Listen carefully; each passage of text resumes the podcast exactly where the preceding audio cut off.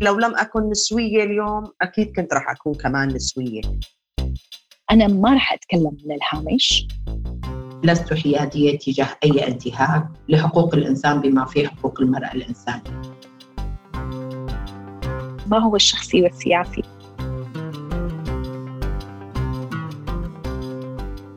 مرحبا أهلا بكم وبكنا في أول حلقات بودكاست السياسي شخصي حوار من المنطقة وإلها. منناقش فيه قضايا شخصية اجتماعية سياسية في إطار تحقيق السلام النسوي المستدام. هذا البودكاست من إنتاج رابطة النساء الدولية للسلام والحرية. نطرح من خلاله تحليل نسوي لمناهضة العنف والنزاع والسعي نحو الحرية والعدالة في الشرق الأوسط وشمال إفريقيا. أنا رولا أسد مؤسسة مشاركة والمديرة التنفيذية لشبكة الصحفيات السوريات رح تكون ميسرة نقاشنا لليوم. اليوم رح نناقش مع ضيفاتنا عدة قضايا ومواضيع عن السياسة بشقيها التقليدي وغير التقليدي.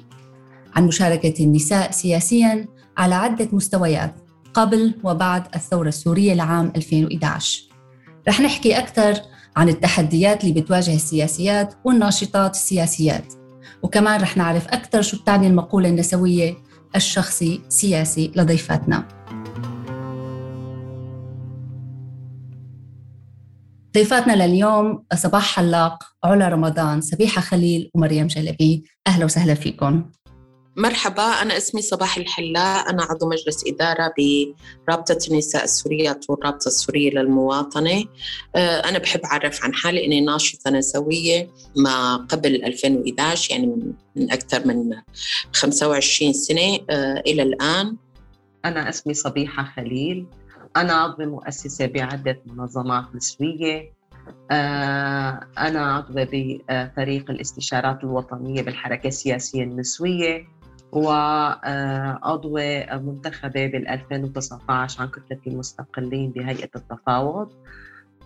آه، على الأقل بالنسبة لتجربتي لا يوجد فصل بين السياسي وبين النسوي. شكرا. آه، أنا علا رمضان المؤسسة والمديرة التنفيذية لمنظمة بدائل.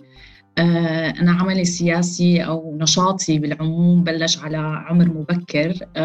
ولدت في عائلة سياسية معارضة. للاسد خلاني آه، خلاني آه، خط آه، على وقت مبكر بحياتي. أنا مريم جلبي. أنا أم أنا نسويه جذرية راديكالية متطرفة وأنا معارضة سورية. بشتغل بالسياسة من بداية الثورة وقررت الانضمام والالتحاق بالعمل السياسي من أول اجتماع كانت دعوة الناس اللي مهتمين بالتغيير السياسي بسوريا من وقتها. كان في لقاء كبير بتركيا بعام 2011 شهر 6 وشاركت من وقتها وإلى الآن عم شارك سياسيا بالعمل بالساحة السياسية السورية.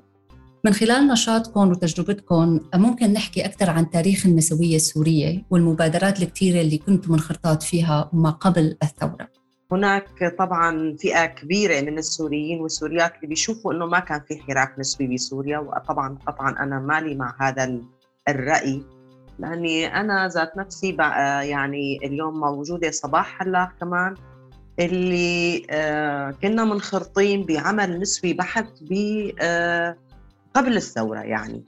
طبعا آه، بيختلف طبعا ما قبل الثورة بنعرف إنه الحراك النسوي كان يعني عبارة عن ممكن منظمات رديفة لأحزاب يسارية والنظام ذات نفسه وقت اجى شكل الاتحاد النسائي قال ستوب ما في حدا يشتغل لا عمل نسوي ولا عمل مدني كله بإشرافه بأمره آه، لأنه حزب البعث هو قائد الدولة والمجتمع بموجب آه،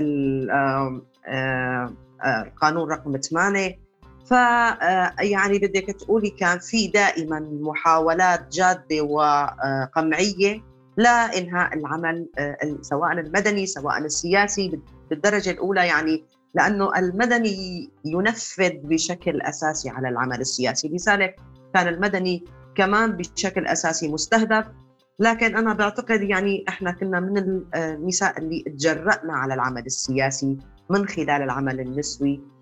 لكن كان في مبادرات لازم الواحد يضوي عليها. منا تجمع سوريات اللي كان في سبع منظمات مختلفة الاتجاهات الفكرية والدينية والسياسية خلينا نقول. لكن اجتمعت مع بعضها وقدمت لأول مرة بسوريا ب 2007 تقرير الظل حول سيداو. وقدمت فيه الواقع الفعلي للنساء السوريات ليس كما آه، يقدم قبل تقارير الحكومة السورية. فهناك مبادرات آه، من النساء رغم ضيق المساحة آه، مهم جدا الواحد يضوي عليها وظهرت أبحاث كثيرة من الحركة النسوية حول مشاركة نسائية سياسية للمرأة حول كل التمييز الواقع على النساء سواء في القوانين أو سواء في حول العمل المنزلي الغير مرئي. فهناك حركة نسائية آه، يمكن أن نقول إن هي كانت قاعدة لبدء الثورة السورية. اللي أنا بسميها الثورة هي فرصة ذهبية للحركة النسائية والنسوية آه، اللي تطورت ليومنا هذا.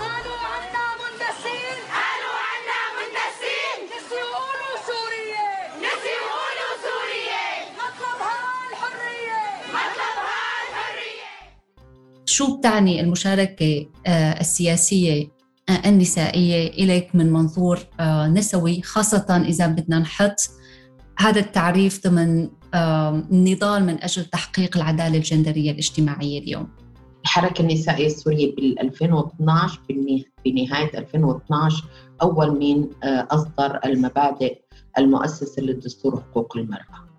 وكان حتى النساء أو النسويات لم تأخذ بعين الاعتبار حقوق المرأة ببداية الثورة.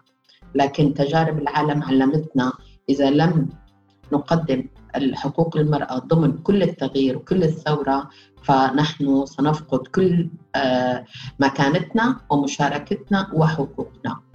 فهي مبادرة يعني نسوية بدأت آه، بدأت شبكات نسائية كبيرة جدا تضم النساء آه، والرجال أيضا من الأشياء اللازم نضوي عليها.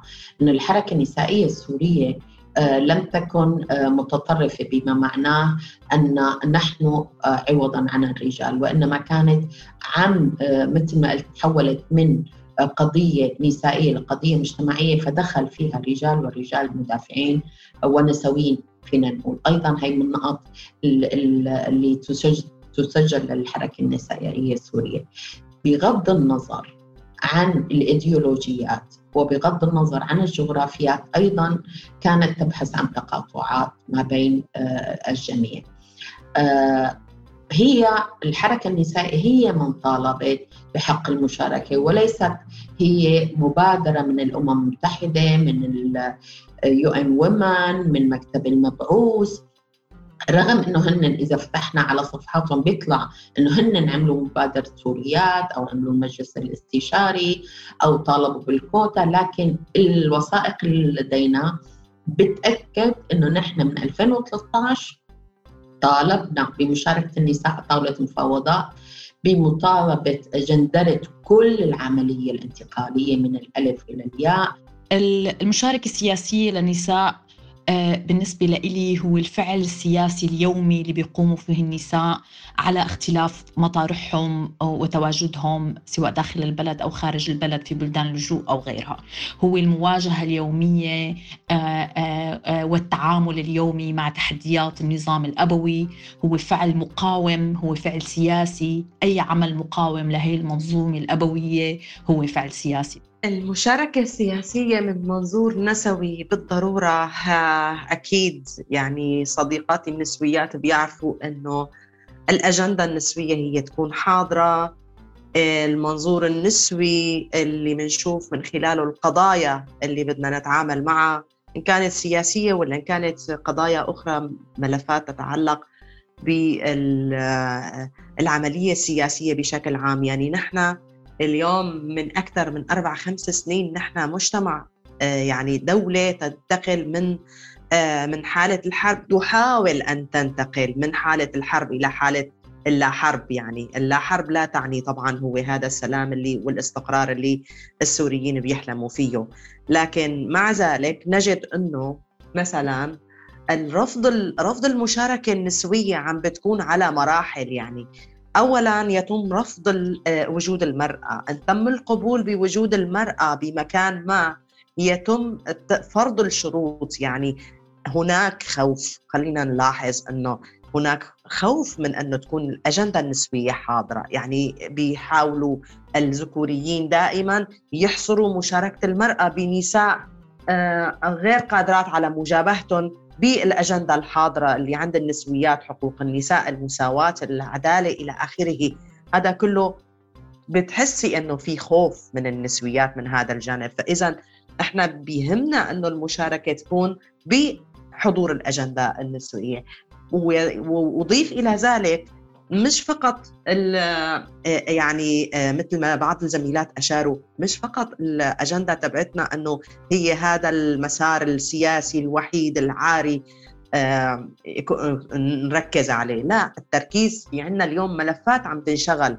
أنا راح أجيب مثال بسيط كثير مشان بس هيك نطلع شوي من من العموميات وندخل بالخاص. آه، أنا أذكر لما كنت بسوريا بمدينة مثل حلب لما كنت أنزل على سوق الخضرة هي كانت معركة معركة مع الذكوريين. لما كنت أشوف امرأة بياعة كنت أشعر بالارتياح.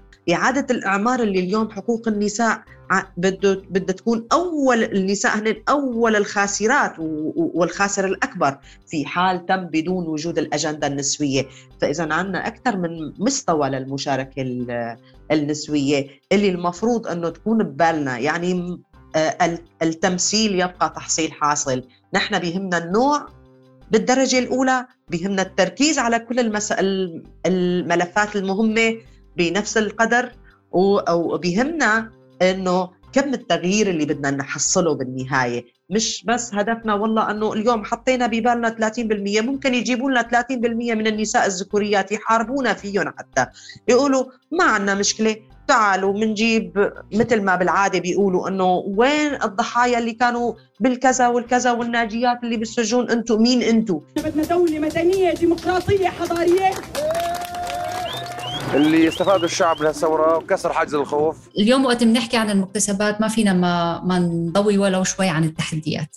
فممكن يعني تشاركينا ولو بشكل يمكن مختصر عن شو هي التحديات اللي بتواجه النساء بإنه يحتلوا يعني الحقيقة مكانهم بالفضاء العام ويكون لهم صوت صوتهم مسموع ويكون لهم دور فاعل بهيدي آه، بهذا المستوى. التحديات هي كمان بمستويات متعددة.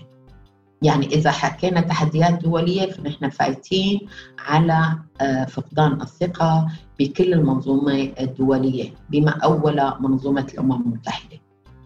عدم الثقة من قبل أغلبية السوريين والسوريات بجدوى قراراتها من 1325 للسيداو ل 2254 منهاج بكين كله عمليا بلغة الأمم المتحدة هو لغة القلق وعدم الإلزامية الفعلية بالتغيير من قبل حكومات الأمم المتحدة، هذا على المستوى الدولي، الملف السوري للأسف هو من الملفات الأكثر تعقيدا بالتحدي الكبير أمامنا. نحن كنساء هي مسألة إنه الملف السوري دول لم يبقى بأيدي سوريين وسوريات. هذا بيشكل خطر كبير جدا على امتداد النزاع وعلى تقسيم سوريا وعلى آه، آه، وجود سلطات أمر واقع بخمس جغرافيات سورية. هذا على المستوى الدولي على والإقليمي والوطني. الوطني ما زالت وما حنغض النظر العادات والتقاليد هي والأعراف لاعبة دور كبير جدا ووصلت إلى أوروبا لتجمعاتنا للاجئين. فما بالك نحن مثلا ما بداخل سوريا وخارج سوريا على تنميط أدوار النساء تنميط أو آه، لباس النساء حركة النساء الموقف من النساء. يعني بسوريا ما زال العنف مشرع بدءا من الاغتصاب الزوجي بالمادة قانون العقوبات قانون وقوانين أحوال شخصية للجنسية كل القوانين تمييزية وهذا تحدي كبير جدا تسببت الأزمة السورية بواحدة من أسوأ الأزمات الإنسانية في العصر الحديث. Nowhere is our commitment to international order more tested than in Syria. شو هي التحديات اللي بتواجهوها بالانخراط والعمل مع النساء على الأرض بهيدي المناطق؟ وإذا ممكن نحدد وين المناطق بحيث إنه ممكن نعطي شوي تصور وين عم تتقاطع التحديات وين في خصوصية لمناطق معينة وقت بتجي لمشاركة النساء في الفضاء العام. يعني صباح قدمت تصور شامل للتحديات وما عندي كتير تحديات ضيفها.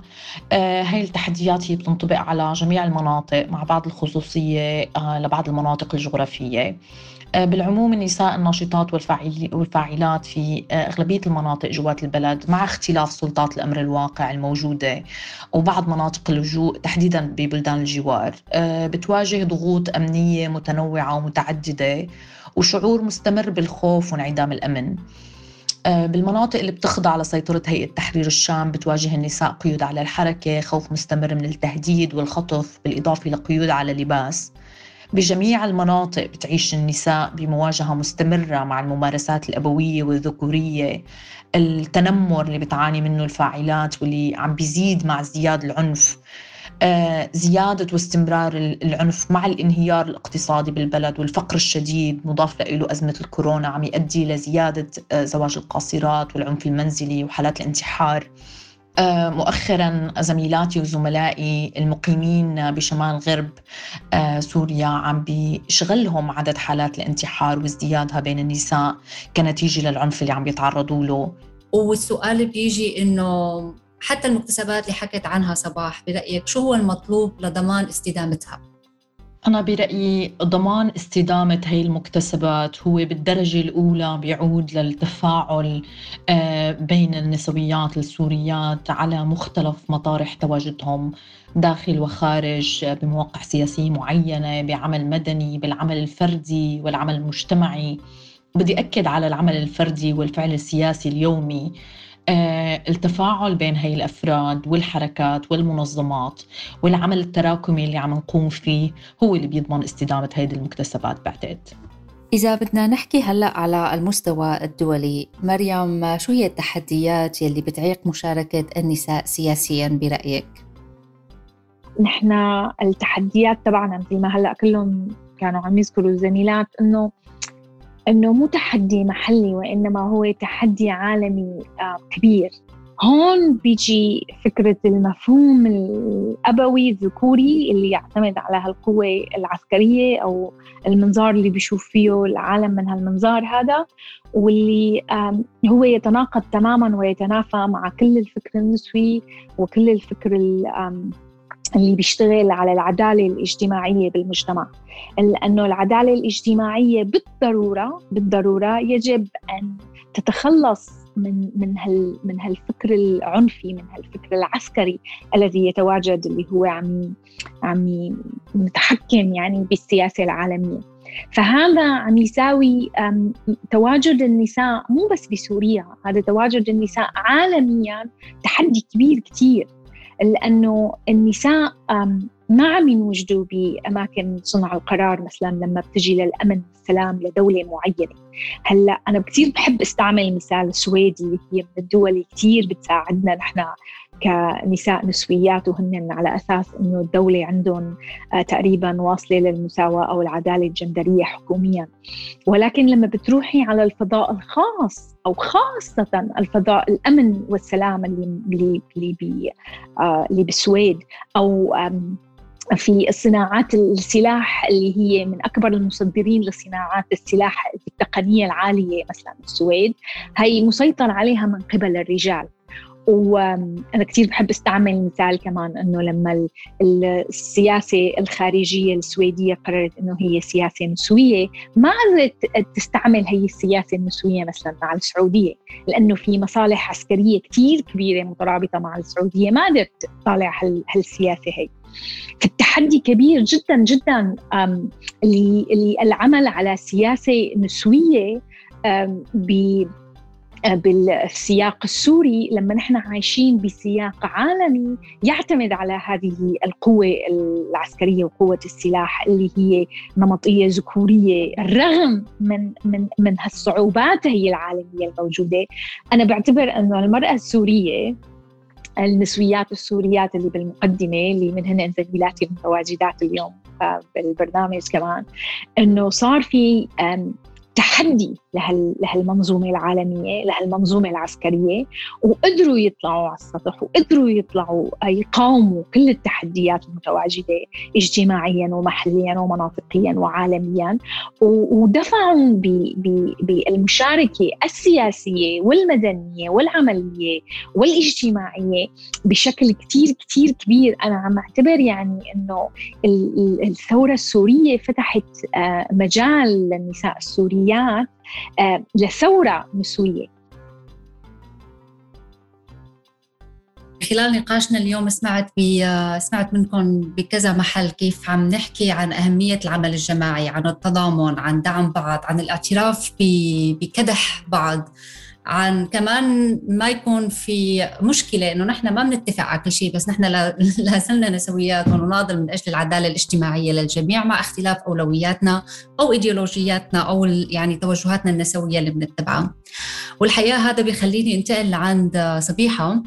آه، سمعت مؤخرا آه، عن المفهوم اللي عم تطرحيه اللي هو السور النسوي. آه، وكآلية للتضامن النسوي وعم تعطيها أكثر نفس محلي. آه، بتصور هلا في كثير حاجة لوضع يعني القضايا بسياقاتها المحلية. فممكن تخبرينا أكثر عن عن هذا الطرح. شو شو بيقدم؟ هل هو بديل؟ هل هو ممكن ينربط على مستوى إقليمي عابر للحدود؟ شو شو شو هو السور النسوي اللي عم يعني كآلية تضامن عم تطرحيها مؤخرا؟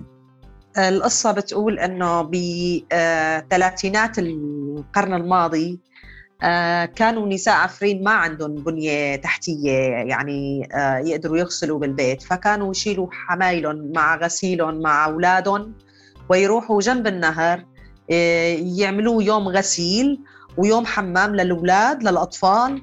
والرجل أو يعني الذكور البالغين كانوا لحالهم يروحوا بمكان آخر يعني يستحموا. فهيك كانت الحياة بالأرياف تبع عفرين.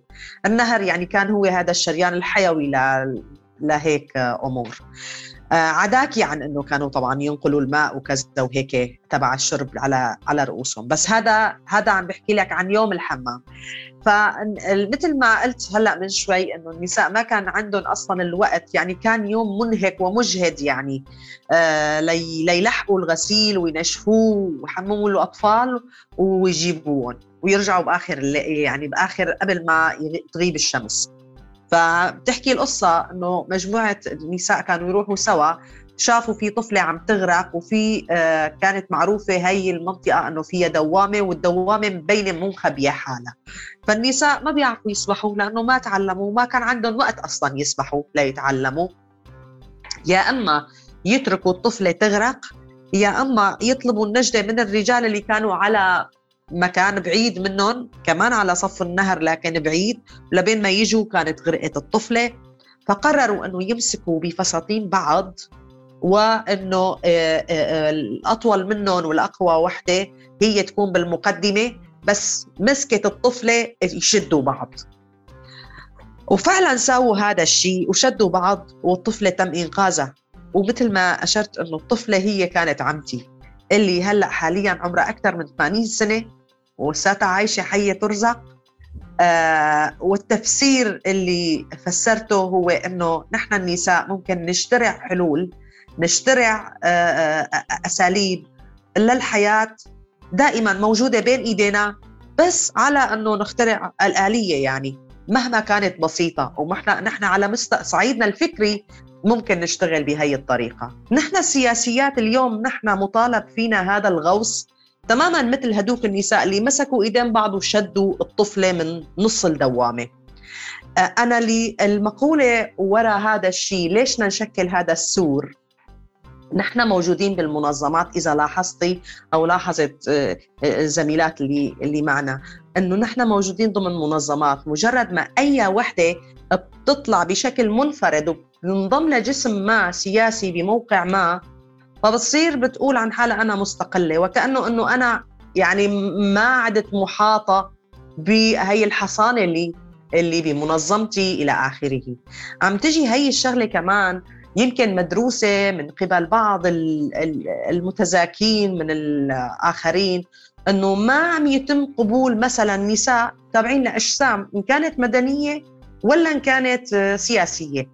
مثلا إحنا بتذكر بالرياض اثنين آه، شاركنا أكثر من ستة سبعة باسم الحركة السياسية النسوية لكن آه، فوتونا بشكل مستقلات. يعني أنت ما عاد إلك آه، صوت مرجعية ترجعي له أو يرجعوا لك أو يقولوا لك ليش هيك سويتي؟ خلص أنت مستقلة يعني شو اللي حوالينه عم يحكوا. زائد إنه نحن النسويات اللي بنروح دائما بس وصلنا على الدوامة دوامة الفعل السياسي من السهل إغراقنا ومن السهل غرقنا. فهذا الغرق ما بيصير لأنه عنا هذا السور اللي يحمينا. النضال ضد القمع والتهميش هو نضال مستمر ويومي وشخصي وأكيد سياسي وبده طاقة ودافع يعني مستمر لا ينضب. سؤالي لضيفاتنا اليوم شو اللي بيخليكم تتفائلوا يمكن؟ وشو اللي بيخليكم تستمروا كل يوم بهذا النضال رغم كل صعوبته؟ واللي هو كتير شخصي وكتير سياسي وكتير يومي. وقت بنطلع على الحراك اليوم شو اللي بيعطيكم الطاقة؟ وشو اللي بيخليكم تتفائلوا؟ الشغل مع اللاجئين واللاجئات. هذا كل ورشة كل جلسة هي طاقة. وشغلي مع الشباب المدنيين داخل سوريا. شغلتين بحس إنه الثورة قائمة وما زالت قائمة أو إنه ممكن يتحقق شيء آه، بجيل الشباب. الشباب تعطيني طاقة. يعني عمر الشباب واللاجئين واللاجئات هن طاقتي. وخليني نقول الأجيال النسوية اللي, اللي طلعت بعد الثورة هي هي لحالها بعتبرها يعني هو عن جد هو النقطة الإيجابية والتحول. اللي صار بسوريا. علا بالنسبة لي الأمل هو ممارسة. هو شيء منعود حالنا عليه بالرغم من قساوة المشهد السوري اليوم. اللي بيعطيني أمل وبيخليني مستمرة بالعمل اللي بقوم فيه ومش عم بحكي هون عن العمل فقط عن العمل اللي بقوم فيه ضمن منظمتي لأنه يوما ما ما رح أكون موجودة بهذه المنظمة بس هذا ما بيعني إني ما أستمر بنضالي النسوي. اللي بيعطيني أمل هو كل الصبايا اللي بتفاعل معهم بشكل يومي ضمن إطار هذا النضال. آه لما بسمع مريم بصير عندي أمل ولما بسمع صباح وصبيحة ولما بسمع وبتفاعل مع كل النساء السوريات والنسويات السوريات اللي ما بيكلوا وما بيملوا كل يوم بأنهم يضلوا عم بيناضلوا من أجل القضية هذا اللي بيعطيني أمل بالحقيقة. مريم تفضلي. يلي بيعطيني أمل تفاؤل للاستمرار هو شوي مثل ما قالت علا السيدات السوريات الخلايات اللي موجودين بالفضاء العام. ورح تسمعوا بنتي الصغيرة هلا فائت وعم تشارك. أنا بعتبر ودائما كنت لما بنسأل السؤال هذا بالماضي كنت بفكر وبفكر بالثورة السورية وبفكر بكلياتنا كيف عم نشتغل مع بعض والحياة العمل الجماعي اللي بنساويه بس تطورت الفكرة عندي شوي أكثر هلأ كمان وبحس إنه كثير من اللي بيخليني ضل عم أشتغل إنه بحس أنا مو لحالي. يعني أنا في إلي قسم وجزء من العمل اللي بدي أقوم فيه. بس أنا واقفة على أكتاف عمالقة من السيدات اللي هن مساويين هالشغل هذا قبلي بكتير ومستمرين لسه فيه. وأنا عم ضم حالي إلهم يعني وعم أمسك بإيدهم مثل ما قالت كمان صبيحة شوي هالسور النسوي إنه بحس مو لحالي. فما بحس بنوع من الإحباط أو نوع من الهزيمة لأنه بعرف كمان تاريخيا هذا كيف كان. أمر مستمر عبر التاريخ إنه النساء عم يشتغلوا بهال بهالعمل هذا بغض النظر يعني خلال آلاف السنين ومئات السنين ويمكن المئة سنة الماضية بشكل مركز أكثر يعني بكل العالم. فبحس أنا جزء من هالقضية هاي جزء من هالشبكة هاي أولا الشبكة المحلية أنا أصدقائي وصديقاتي اللي بيشتغل معاهم بهالموضوع بعدين بشكل إقليمي شوي أكثر وبعدين بشكل عالمي أكبر بكثير إنه أنا أنا نقطة بهالبحر القوي أو بهال بهالموجة القوية كثير اللي ماشية بالعالم. وبيعطيني هذا كثير أمل وتفاؤل إني أنا بالطريق الصح وإنه أنا مو لحالي. سبيحة تفضلي. أنا بعتقد إنه اللا أمل هو خيانة. خيانة لمبادئنا لأنه نحن كنا مورطين بالعمل العام قبل الثورة وضلينا مستمرين. فاليوم التغيير أكيد كان ثمنه باهظ وأعتقد أنه لما بنرجع بنستذكر كل الضحايا اللي وقعوا واللي كذا إلى آخره على مستوى سوريا ككل بنشوف أنه كانت الضريبة باهظة فبس أكيد ما لازم نوصل لدرجة أنه نجلد نفسنا ونقعد ببيتنا لأنه هذا آه، بيخلي أمل الناس المهمشين اللي بتشوفوا بأصواتنا أصواتهم لأنه نحن عم نصارع لحتى نوصل أصوات هدول المهمشين. فإذا نحن تخلينا عن هاي هذا الدور معنى ذلك قطعنا صوت آه، آه، النساء صوت كل المستضعفين اللي اليوم ما عم بيلاقوا مجال لأنه توصل صرختهم، أنا بعتقد إنه رح نكون مكفين وأنا على المستوى الشخصي يعني خليني أهمس لكم إنه بتجيني آه، ناس ما. ما بعرفهم سابقا بيتصلوا فيني بيقولوا شكرا. أنا بستغرب إنه على شو عم يتشكروني؟ على موقف أو على على وجودي بمنصة ما بإني أكون أنا ابديت رأيي ما شجاع وجريء فمكملين والأمل هو مطلوب مثل ما عم بقول إنه مطلوب ومطلوب بشدة لأنه ما بنقدر نتخلى عنهم مثل السور اللي حكيت عنه. إذا وحدة بنص السور تترك إيد الزميلة الثانية شو بيصير؟ ما بنقدر متابعين مستمرات.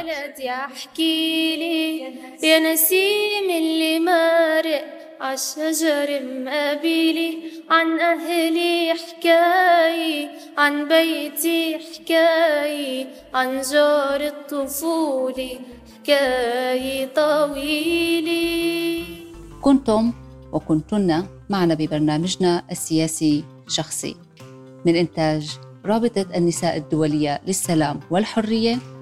ممكن تسمعونا وتتابعونا على الروابط يلي على الصفحة. كونوا وكنا بخير وسلامة.